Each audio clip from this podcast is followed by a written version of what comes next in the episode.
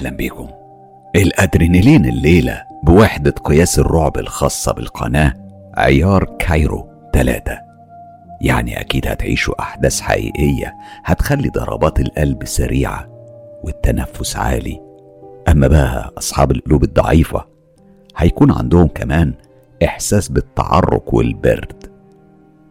يا ترى جاهزين لتجارب الليلة؟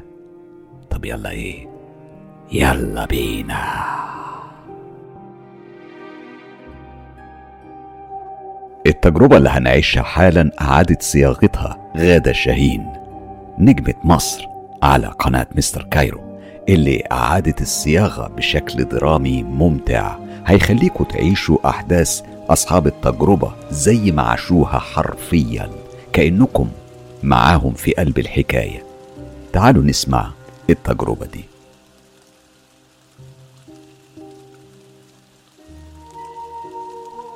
في مثل مصر بيقول بيطلع لي في كل خراب عفريت. تقدروا تقولوا إن المثل ده بيلخص قصة حياتي. أنا وجوزي وابننا الصغير نقلنا لشقتنا الجديدة وأنا حامل في ابني التاني. العمارة دي كانت عمارة مكونة من 12 دور. كل دور أربع شقق لكن الشقق من غير تشطيب.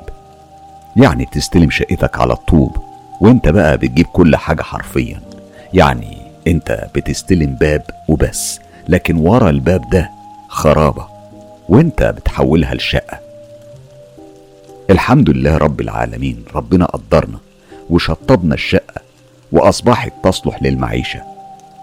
بصرف النظر طبعا عن إنها في الدور الأه الحداشر والعمارة لسه ما فيهاش أسانسير لكن الحمد لله كان في سلم يعني وفي بعض الجيران في بعض الأدوار الأولى وآخر السكان كانوا في الدور السادس.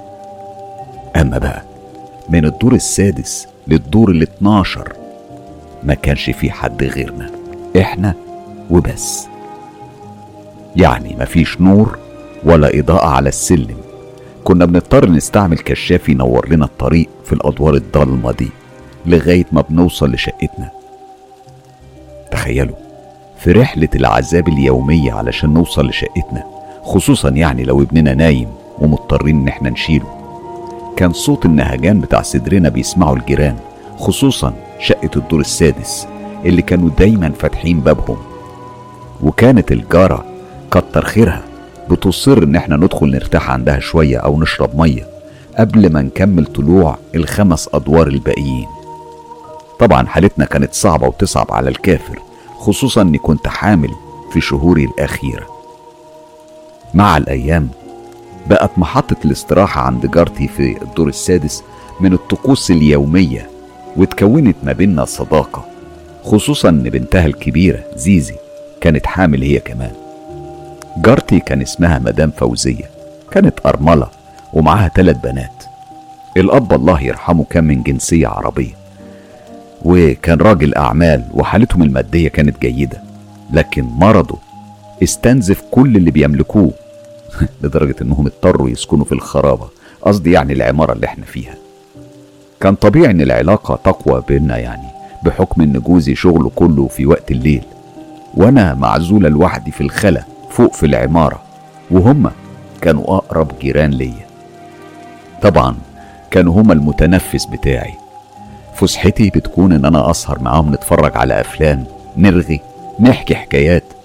المهم أعدي وقت الليل في صحبتهم. بدل ما أقضيه لوحدي أنا وابني طبعا والفيران اللي ساكنة الشقق الفاضية اللي حوالينا. مع الأيام توطدت العلاقة بيني وبين زيزي وخصوصا بعد ما ولدنا. لكن كان دايما في شيء غامض في حياة العيلة دي شيء مش مفهوم. بس أنا بطبيعتي متعودة إني مسألش ولا أتدخل في خصوصيات أي حد مهما كانت قوة صداقتنا.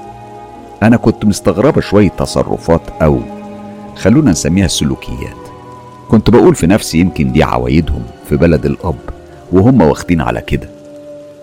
الخروج والسهر يوميا ده كان شيء ضروري في حياتهم خصوصا زيزي وأختها بسمة الأصغر منها بشوية.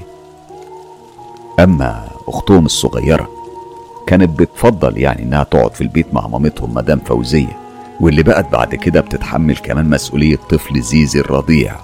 وزيزي ملهاش دعوة وكأن علاقتها بالطفل ده انتهت بمجرد ما ولدته.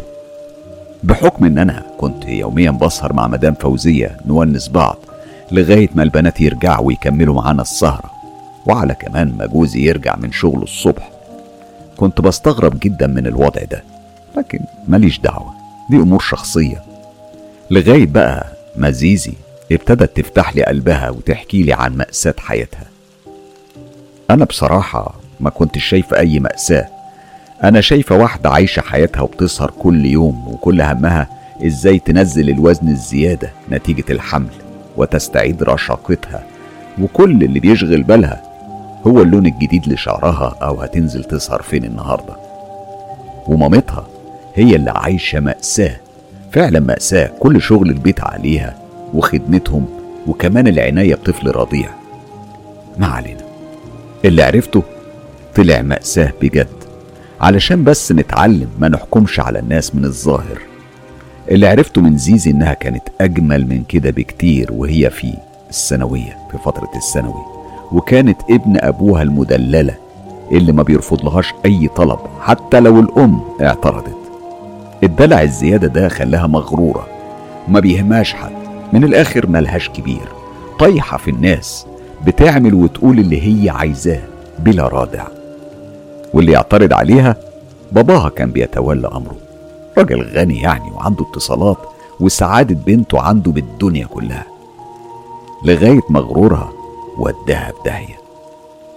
الداهية دي كانت عبارة عن مدرس في مدرستها بيديها درس خصوصي في البيت. حسب وصفها المدرس ده ما كانش وسيم خالص ولا فيه أي مواصفات تلفت نظر أي بنت. فما بالكم ببنت متدلعة وشايفة نفسها؟ كان بالنسبة لها مجرد وسيلة للنجاح إنما هو كان بيحبها حب جنوني. ولما صرح لها بحبه ورغبته في إنه يخطبها من والدها زيزي المغرورة سمعته كلام أقل شيء يتوصف بيه إنه جارح وصادم ويكسر قلب أي إنسان. الراجل بلع الإهانة تحامل على نفسه واستنى لما خلصت وصلت السخرية منه وقال لها أنا مش هرد عليكي أنا هبعتلك مراتي ترد عليكي. هنا ضحكت زيزي ضحكة رنانة وقالت له لا كمان متجوز. طب والله كويس إن في واحدة رضيت بيك وبخلقتك دي. هو ابتسم ابتسامة صفرة وقال لها أصلك ما تعرفيش هي مش إنسية وعموما هي هتزورك النهاردة. قام مشى وهي لسه بتضحك بصوت عالي لغاية ما مامتها جت تسألها عن سبب ضحكها ده وسبب إن الدرس خلص بسرعة. هي حكت لها على اللي حصل وقالت لها إن الراجل اتهبل في دماغه وبيقول لي بحبك وعايزة أتقدم لك فأنا اديته اللي فيه النصيب. كملت وقالت هو ما عندوش مرايات في بيتهم ما يشوف شكله الأول قبل ما يتكلم. طبعا لا هي ولا الأم اهتموا بكلام المدرس. بقية اليوم مر عادي وهم مش دريانين باللي مستنيهم. بالليل زيزي كانت في أوضتها نايمة على السرير بتقرأ في كتاب. لما فجأة باب أوضتها اترزع جامد وفي نفس اللحظة شباك الأوضة اتفتح. قامت قعدت على السرير من الخضة. ثواني وفي شيء دخل بسرعة رهيبة من الشباك كان زي العاصفة. وفضل واقف قدامها متعلق في الهوا. الشيء ده كان ست من غير رجلين لابسة فستان قصير أبيض بيتطاير في الهوا وشعرها الأسود نازل على وشها بطول جسمها القصير وبيطير هو كمان من الهوا حواليها. المشهد كان مرعب لكن المرعب أكتر من كل ده إن الجنية دي كانت عندها عين واحدة. بس كبيرة ومرعبة. العين دي كانت في نص وشها وكانت بتبص لها نظرات كلها غضب ووعيد. زيزي فقدت النطق ما كانتش عارفة تصرخ ولا تستغيث. الأم جت على الصوت هبدت الباب الجامدة. حاولت تفتح الباب وتنده عليها لكن الباب مش راضي يفتح. الموقف ده استمر لدقايق بسيطة. بعدها خرجت الجنية بنفس السرعة من الشباك وباب الأوضة اتفتح. دخلت الأم لقت زيزي في حالة صدمة وشها شاحب جدا مبرقة عينيها وفاقدة النطق مش عارفة تتكلم. يشربوها مية يخبطوا على وشها مفيش فايدة. جابوا لها دكتور كشف عليها وقال إن عندها صدمة عصبية شديدة. الأب والأم كانوا هيتجننوا. يجي لها صدمة عصبية ليه؟ دي كانت زي الفل ودخلت تنام. كل اللي حصل إن باب أوضتها اتقفل جامد وما كانش راضي يفتح. يمكن اتخبط جامد وده السبب. زيزي قعدت يومين فاقدة النطق ومبرقة. كانت زي التمثال. مفيش أي تعبير على وشها. وشوية شوية ابتدت تفوق من حالة الصدمة وحكت لأمها عن اللي حصل. الأم طبعا خافت على بنتها وقررت إن مفيش دروس تاني وإنها هتعتذر للمدرس بأدب وينصرف بسلام ولا يأذينا ولا نأذيه. لكن الأمر ما كانش بالبساطة دي. لما جه المدرس في ميعاد الدرس الأسبوعي وبيسأل عن سبب غياب زيزي طول الفترة اللي فاتت عن المدرسة الأم استقبلته بكل احترام واعتذرت إن زيزي أعصابها تعبانة شوية وإن الدكتور نصحهم إنها تسافر تغير جو وإنهم هيسافروا بلد الأب ويمكن ما يرجعوش مصر تاني. هنا المدرس ابتسم ابتسامته الصفرة وقال جملة واحدة قبل ما يمشي. طب بلغيها إني هخليها تندم على كل كلمة قالتها. الأم كانت بتلف حوالين نفسها من الحيرة وقررت تقول للأب اللي هاج وماج زي عوايده لما حد بيقرب من بنته من بنته أو يمسها. قعد يهدد ويتوعد. الأم كانت بتهدي فيه بتحاول تعقله وتفهمه إن المرة دي الموضوع كبير وأكبر من قدراتهم.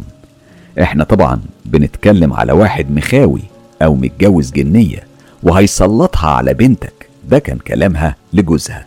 وقالت له وأديك شفت حالها كان عامل إزاي اليومين اللي فاتوا. فبلاش نستفزه أكتر من كده أو ندخل معاه في مشاكل وصدام. طب إيه الحل؟ الحل كان إنهم أخدوا البنات وسافروا لبلد الأب لغاية ما الأب باع البيت اللي كانوا عايشين فيه. صفى كل أعماله وحصلهم على هناك. حتى ملف زيزي وأختها ما سحبوهوش من المدرسة. يعني عملوا كل حاجة علشان المدرس ما يعرفش يوصل لهم أو يعرف لهم طريق زي ما هم يعني كانوا مفكرين. وفعلا عاشوا هناك كام سنة في بلد الأب لكن ظروف البلد دي ساءت فقرروا إنهم يرجعوا مصر تاني غيروا سكنهم أكتر من مرة. والأب أصيب بالمرض اللي استنفد اللي اتبقى معاهم من فلوس.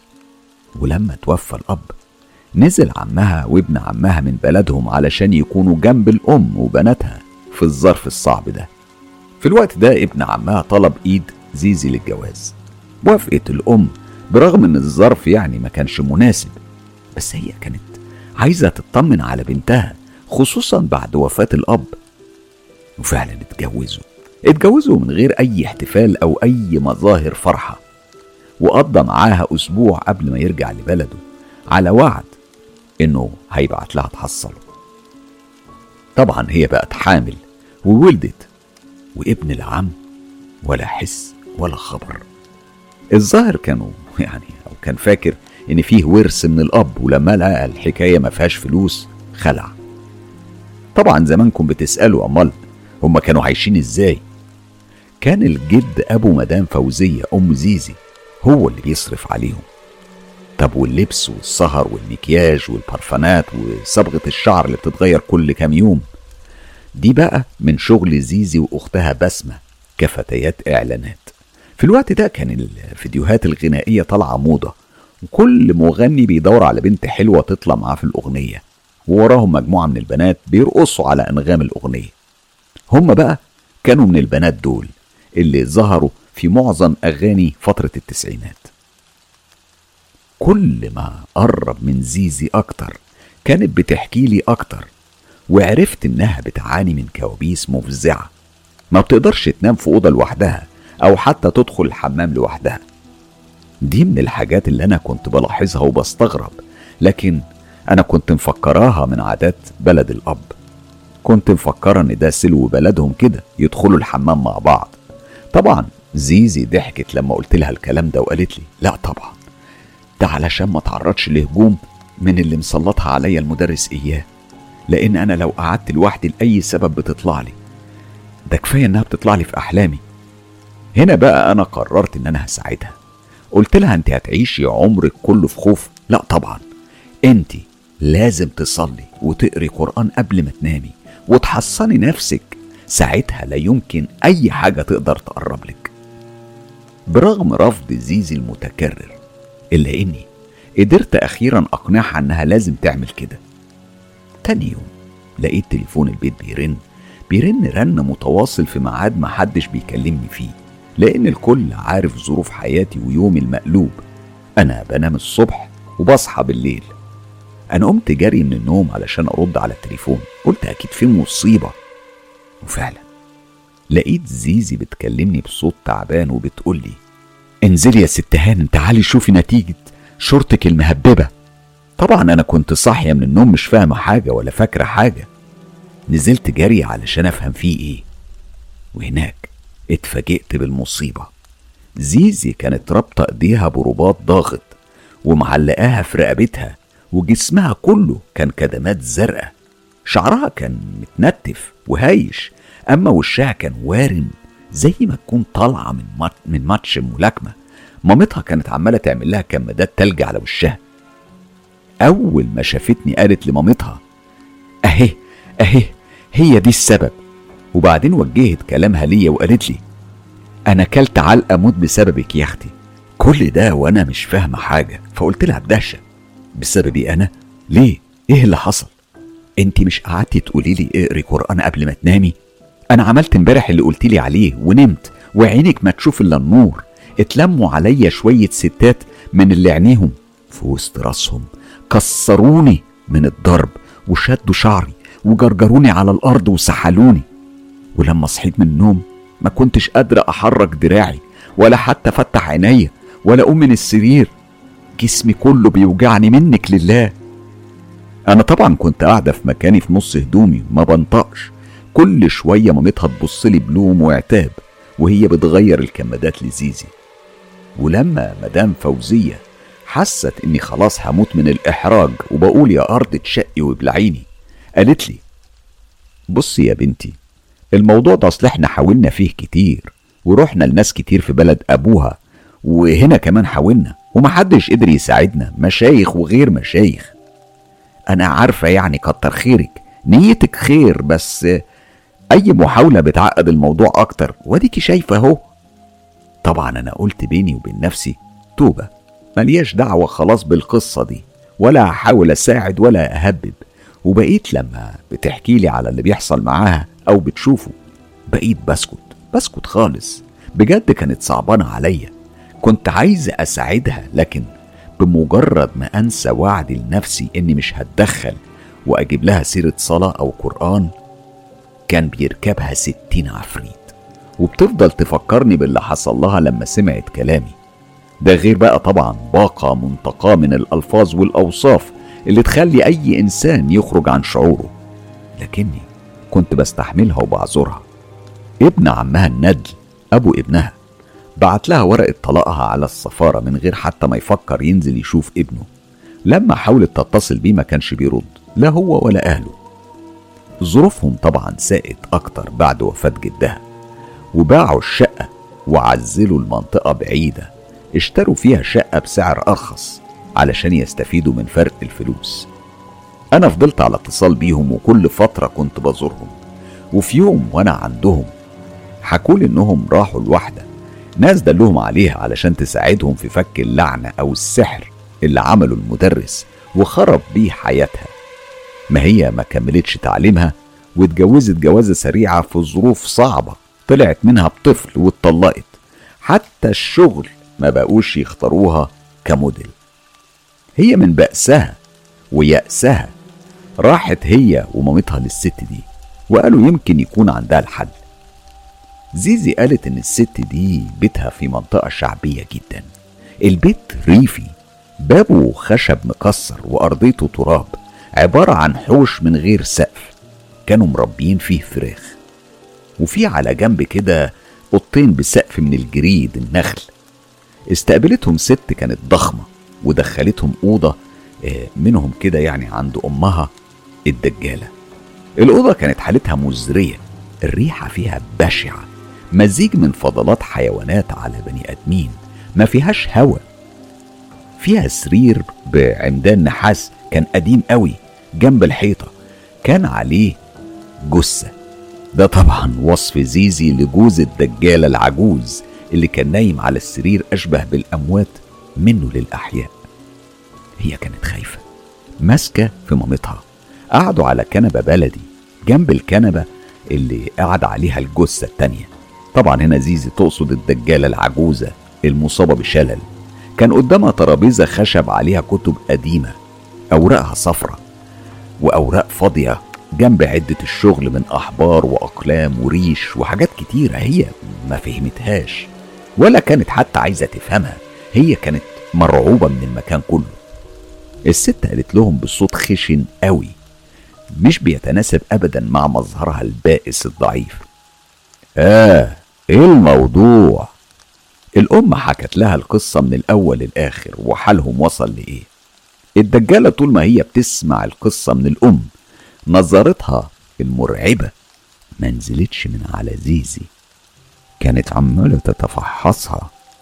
المهم إنها بعد ما سمعت القصة سكتت شوية وبعدين مسكت كتاب من اللي قدامها وفتحته وقعدت تقلب فيه وخدت ورقة وقلم من العدة اللي قدامها وبقت تبص في الكتاب وتكتب في الورقة بحبر أحمر. وبعد ما خلصت كتابة طبقت الورقة بطريقة معينة لغاية ما حولتها لمثلث صغير وقالت للأم ليلة الخميس تعملوا فشار وتسيبوه في صالة البيت ومحدش يخرج الصالة لغاية تاني يوم والجمعة وقت الصلاة هتتبحي فوق راسها ديك أسود وبعدين تحميها بالمية اللي هتنقعي فيها الورقة دي من بالليل وتجيلي بعدها علشان أشوفها. خدت أجرها كان مبلغ وقدره وهم راحوا نفذوا كل الوصفة زي ما قالت لهم. ليلة الخميس لما عملوا الفشار حطوه في الصالة. أختها بسمة ما كانتش تعرف إيه اللي بيحصل. كانت سهرانة بتتفرج على التلفزيون وهي مش في بالها أي حاجة غير تعليمات مامتها. إن محدش يخرج الصالة بالليل بس هي اتعودت في حياتها معاهم على كده. فما بقتش بتسأل ليه. كانت في أوضة الليفينج اللي بتطل على الصالة. لفت نظرها إن في صوت حركة في الصالة. لما دققت بتركيز شافت على ضوء شاشة التلفزيون اللي كان واصل منها شوية نور للصالة الضلمة. شافت كده زي ما يكون في حفلة وفي أقزام كتيرة بيتحركوا في المكان وعمالين بيتنططوا على الأرض. بيتنططوا على الأرض ومن رعبها. قامت قفلت على نفسها باب الأوضة ونامت يوميها على كنبة الأنتريه. الصبح حكت لمامتها وأختها على اللي شافته. طبعا هم استبشروا خير إن الست اللي راحوا لها دي شكلها بتفهم وهتحل الموضوع. فتشجعوا أكتر. ذبحت الأم الديك على راس زيزي. وبعدين استحمت بمية إيه بتاعة الطلاسم اللي كان منقوع فيها الطلاسم اللي ادتها لهم الدجالة.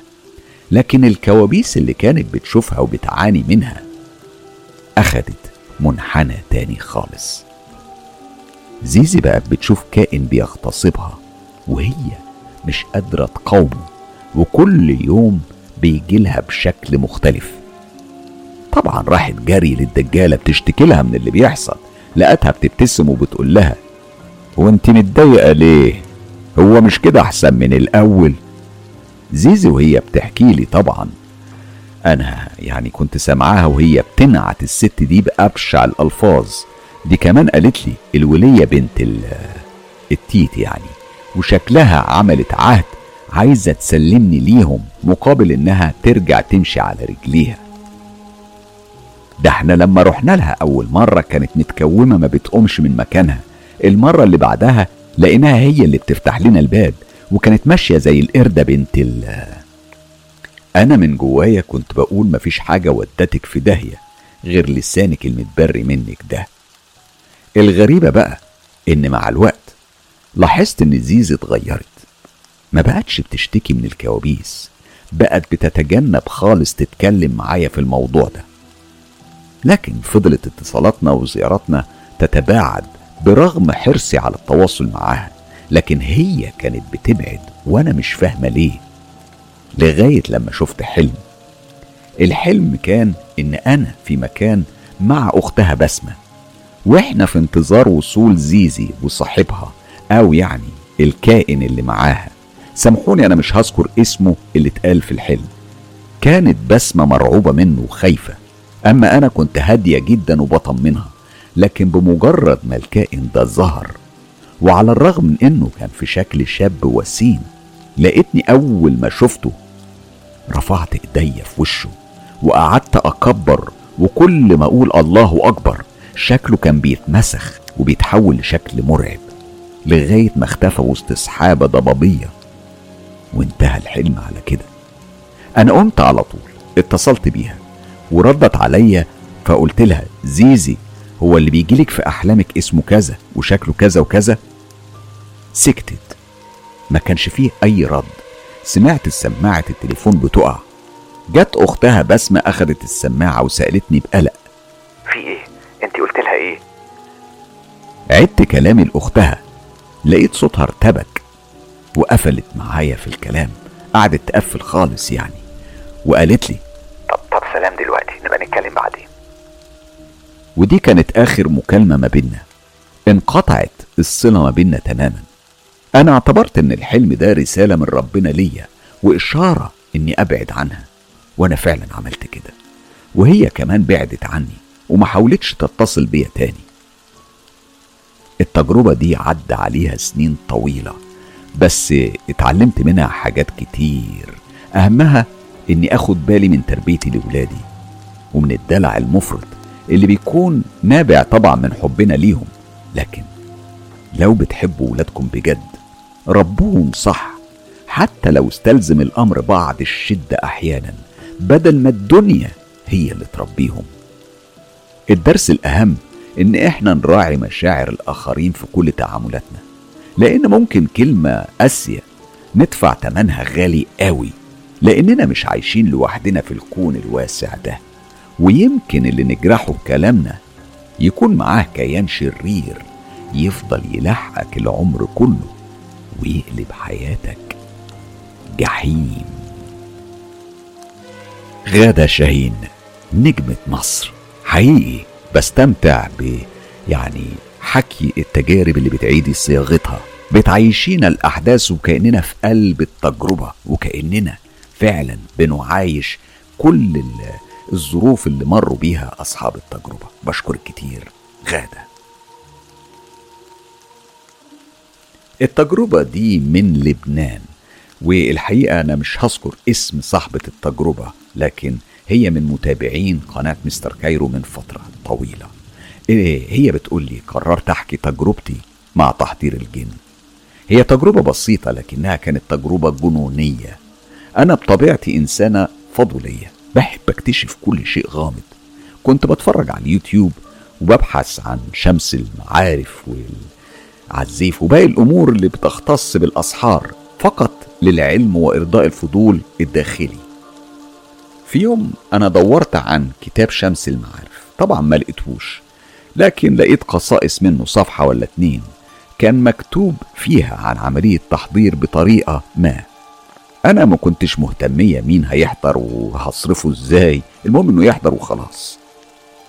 ليا صاحبتي الأنتيم اللي قلت لها إيه رأيك نجرب التجربة دي. هي على فكرة كانت جبانة جدا. وأنا يعني مش مش حجر أنا فيا خوف برضه لكن حماسي كان أكبر من الخوف. هي قررت إنها تشترك معايا في التجربة بعد ما عرفت اقنعها بدأنا نقرأ الورقة ولحسن الحظ جوزي ما كانش في البيت. وبنتي برضو مش موجودة. كان المكتوب في الصفحة اللي كنا بنقراها إن إحنا نجيب مطلوب إن إحنا نجيب شمعة ونكتب بإبرة جديدة طلاسم وأرقام وحروف بطريقة عمودية.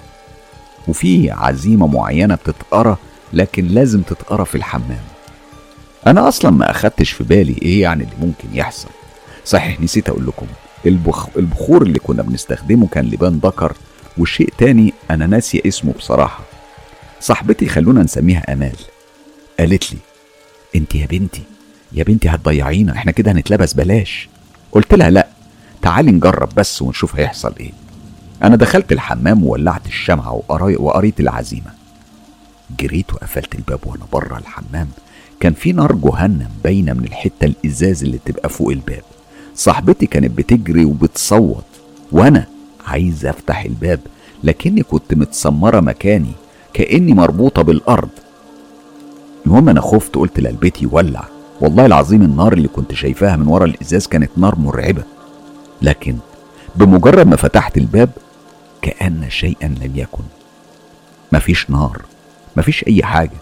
لقيت الشمعة متشكلة على شكل وجه مخيف ومرعب جدا. طبعا طلعت من الحمام وصاحبتي من كتر الرعب كانت شبه الكركم من صفار خلقتها. دخلنا المطبخ وكنا يعني متكئين على الرف بتاع المطبخ الرخامة يعني. وبدون انذار جاتني ضربة في ظهري. حسيت إن روحي بتطلع. روحي بقت في جلدي. ضربة حزام مصنوع من جلد ماعز. ولا اسمه إيه بتاع الحصينة ده اللجام وبنفس اللحظة صديقتي الخبطة نفسها مرقت على ظهرها بنفس الثانية وفي رمشة عين ومن ساعتها أنا ما شفتش أي خير طبعا لحد يعني ما حد جه قرأ علينا لأن الأحداث هي اللي أثبتت إننا أكلنا علقة منهم. صدقني أنا معرفتش أصرف حد ولغاية النهاردة أنا معرفش إيه اللي حصل في اليوم ده؟ وهل هم انصرفوا ولا لسه موجودين؟ معرفش. أنا لسه بتحصل لي حاجات غريبة. أنا علشان كده ما بنصحش أي حد إنه يجرب. لكن تصدقوا أنا عندي فضول لسه إني أحضر جن وأعرف أصرفه. بس أنا مش عايز أجرب. أنا بس حابة أجرب. فاهمين؟ يعني عندي فضول إن أنا أجرب لكني بصراحة من الواقعة دي بقيت مرعوبة مجرد التفكير. إني أجرب.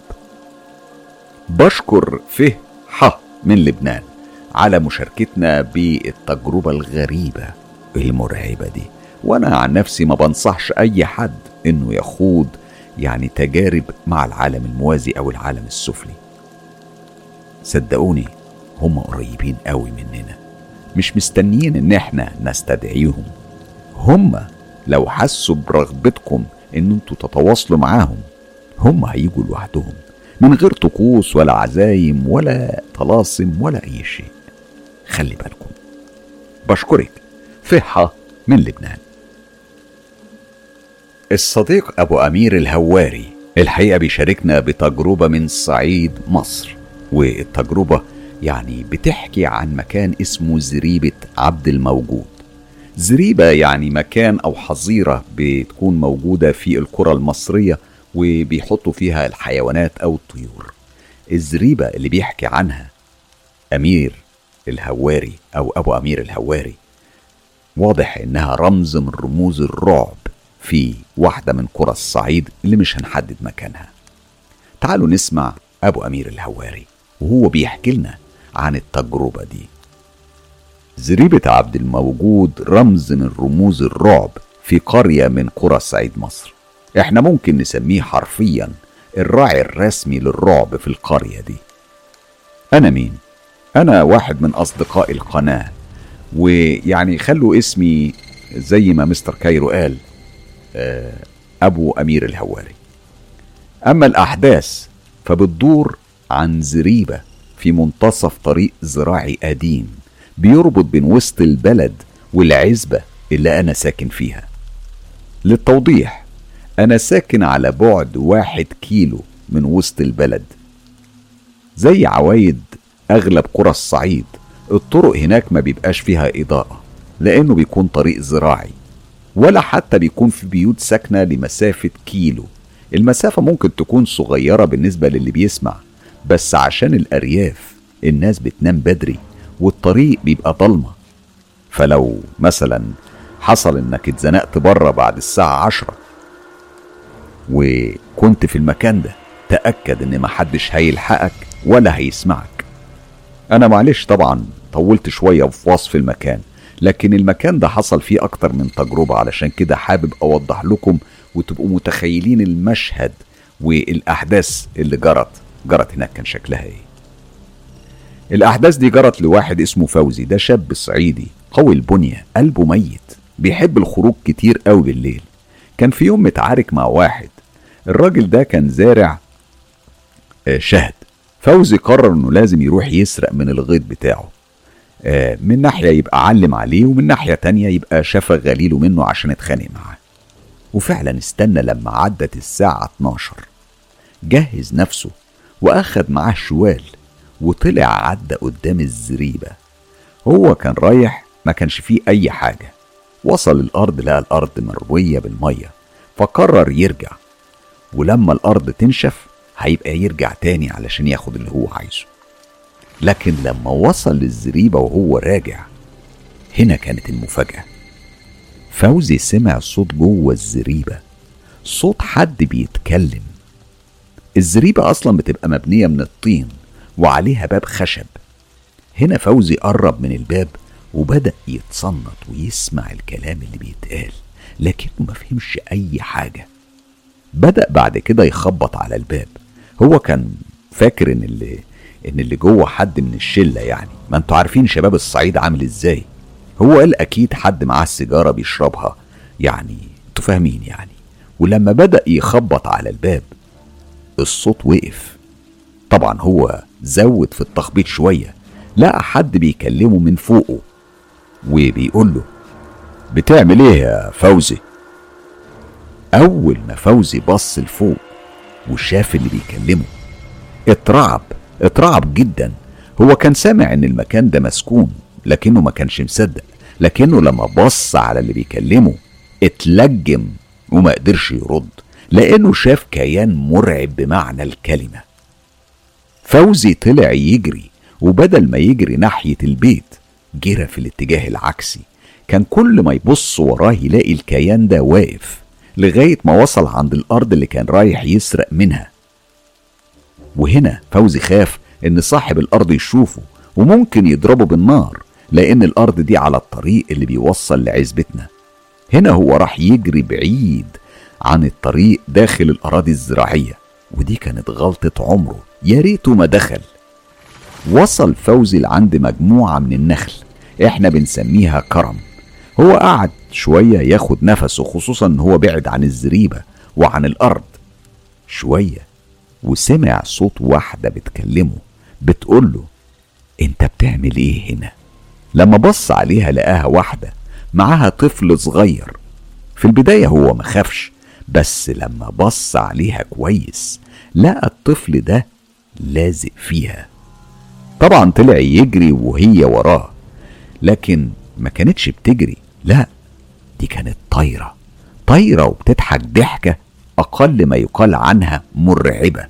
هو كان بيجري ويقوم ويقوم ويجري لغاية ما قدر يهرب. أو يعني بمعنى أصح هي سابته يهرب. لكن من الليلة دي تحديدا فوزي اتعلم درس. مستحيل هينساه لآخر حياته. ده كان موقف واحد من مواقف كتيرة جدا مشهورة عندنا في القرية عن الزريبة دي زريبة عبد الموجود. لو حابين إن أنا أكمل وأحكي لكم باقي التجارب اللي بتحصل هناك عندنا في القرية قولوا لي كمل يا أبو أمير. وأنا هكمل. أبو أمير بشكرك كتير على مشاركتنا بالتجارب وباللحظات المرعبة اللي عاشها فوزي وأكيد في جعبتك كتير من التجارب والحكايات. أنا عن نفسي أول واحد من المتابعين اللي بيقولك كمل يا أبو أمير فاكرين الأسبوع اللي فات قلت لكم أنت اللي عليك الدور؟ يا ترى الأسبوع ده مين اللي عليه الدور؟ وإيه هي الحكاية؟ وإيه السر ورا موضوع الدور ده؟ الموضوع بسيط جدا زي ما حكيت على المنتدى. إحنا كل أسبوع بننزل مجموعة من الرسائل الغريبة والغامضة على الحلقة اللي بنذاعها كل يوم سبت. مع الرسائل الغريبة والغامضة دي بننزل اسمين. كل اسم من الأسماء دي لو بيتابعوا الحلقة بيختاروا من الرسائل اللي بتطلع على الشاشة رسالة واحدة. يحسوا إنها بتعبر عنهم. ولما يقولوا اخترنا الرسالة ويبعتوا لنا بنحكي إحنا الحكاية الأسبوع اللي بعده. ونقول ليه كان الشخص أو الشخصية دي ليه هي اللي عليه أو عليها الدور. فهمتوا حاجة؟ تفاصيل أكتر هتلاقوها على المنتدى. لكن دلوقتي قولوا لي ليه تشترك في قناة مستر كايرو وقناة عراب الجن؟ عراب الجن على فكرة هي قناتنا التانية. اللي بنذيع عليها محتوى مستر كايرو لكن بدون موسيقى فقط على صوت الطبيعة. وطبعا عشان تتابع القناتين دول هتستفيد وهتوصل لك آخر المعلومات اللي ممكن تفيدك وتحميك مش انت بس انت وأسرتك وكل الناس اللي بتحبهم هتحميكم من عالم السحر والسحرة ده غير إن أنتوا هتعيشوا لحظات ممتعة مرعبة ومثيرة. وكمان هتكونوا ملمين بعالم الجن والعوالم الغامضة اللي بتشاركنا حياتنا. إيه ده؟ هو في حد بيشاركنا حياتنا؟ هو الحقيقة مش حد واحد هما كتير. وهحكي لكم عنهم بالتفصيل الصيف ده من خلال قناة مستر كايرو. أما بقى لو عندكم تجارب حقيقية وحصلت بالفعل ليكم أو لحد من أصحابكم زي التجارب اللي سمعتوها الليلة وحابين تشاركوا بيها أصدقاء مستر كايرو هتبعتوا التجارب إزاي؟ ابعتوها على الصفحة الرسمية للإعلامي حسام مصباح على موقع التواصل الاجتماعي فيسبوك. ده أول عنوان. الطريقة التانية عن طريق تطبيق تليجرام هتلاقوا الرابط بتاعه موجود في خانة الوصف وكمان هتلاقوه في أول تعليق. بالنسبة للناس بقى اللي ما عندهاش البرامج دي ولا بتعرف تبعت على فيسبوك وحابب يدخل على طول ويكتب قصة أو التجربة اللي هو عاشها. سهلة جدا. هتلاقوا رابط موقع الصراحة موجود في أول تعليق وموجود في خانة الوصف. اضغط عليه هيفتح لك صفحة جاهزة للكتابة. ابدأ اكتب قصتك. هتوصلني بسرية تامة وهيعاد صياغتها بواسطة فريق من المحترفين وبعد كده هتسمعها بصوت مستر كايرو. اسمعوا بقى. للحصول على كل الحصريات الخاصة بمستر كايرو تعملوا إيه؟ انضموا ل group عراب الجن مستر كايرو على فيسبوك. كمان في صفحة بنفس الاسم عراب الجن مستر كايرو على فيسبوك كمان. ولو حابب بقى تدعم تجربة مستر كايرو هتدعمني إزاي؟ هتدعمنا بالاشتراك في القناة أو الإعجاب بالكليب. طبعا لو عجبكم و share الكليب وهي دي اللي تهمنا جدا share الكليب في كل مكان. شيروه على واتساب على ماسنجر على إنستجرام على تيك توك. في يوتيوب خلي الدنيا كلها تعيش تجربة مستر كايرو. عراب الجن. إلى اللقاء.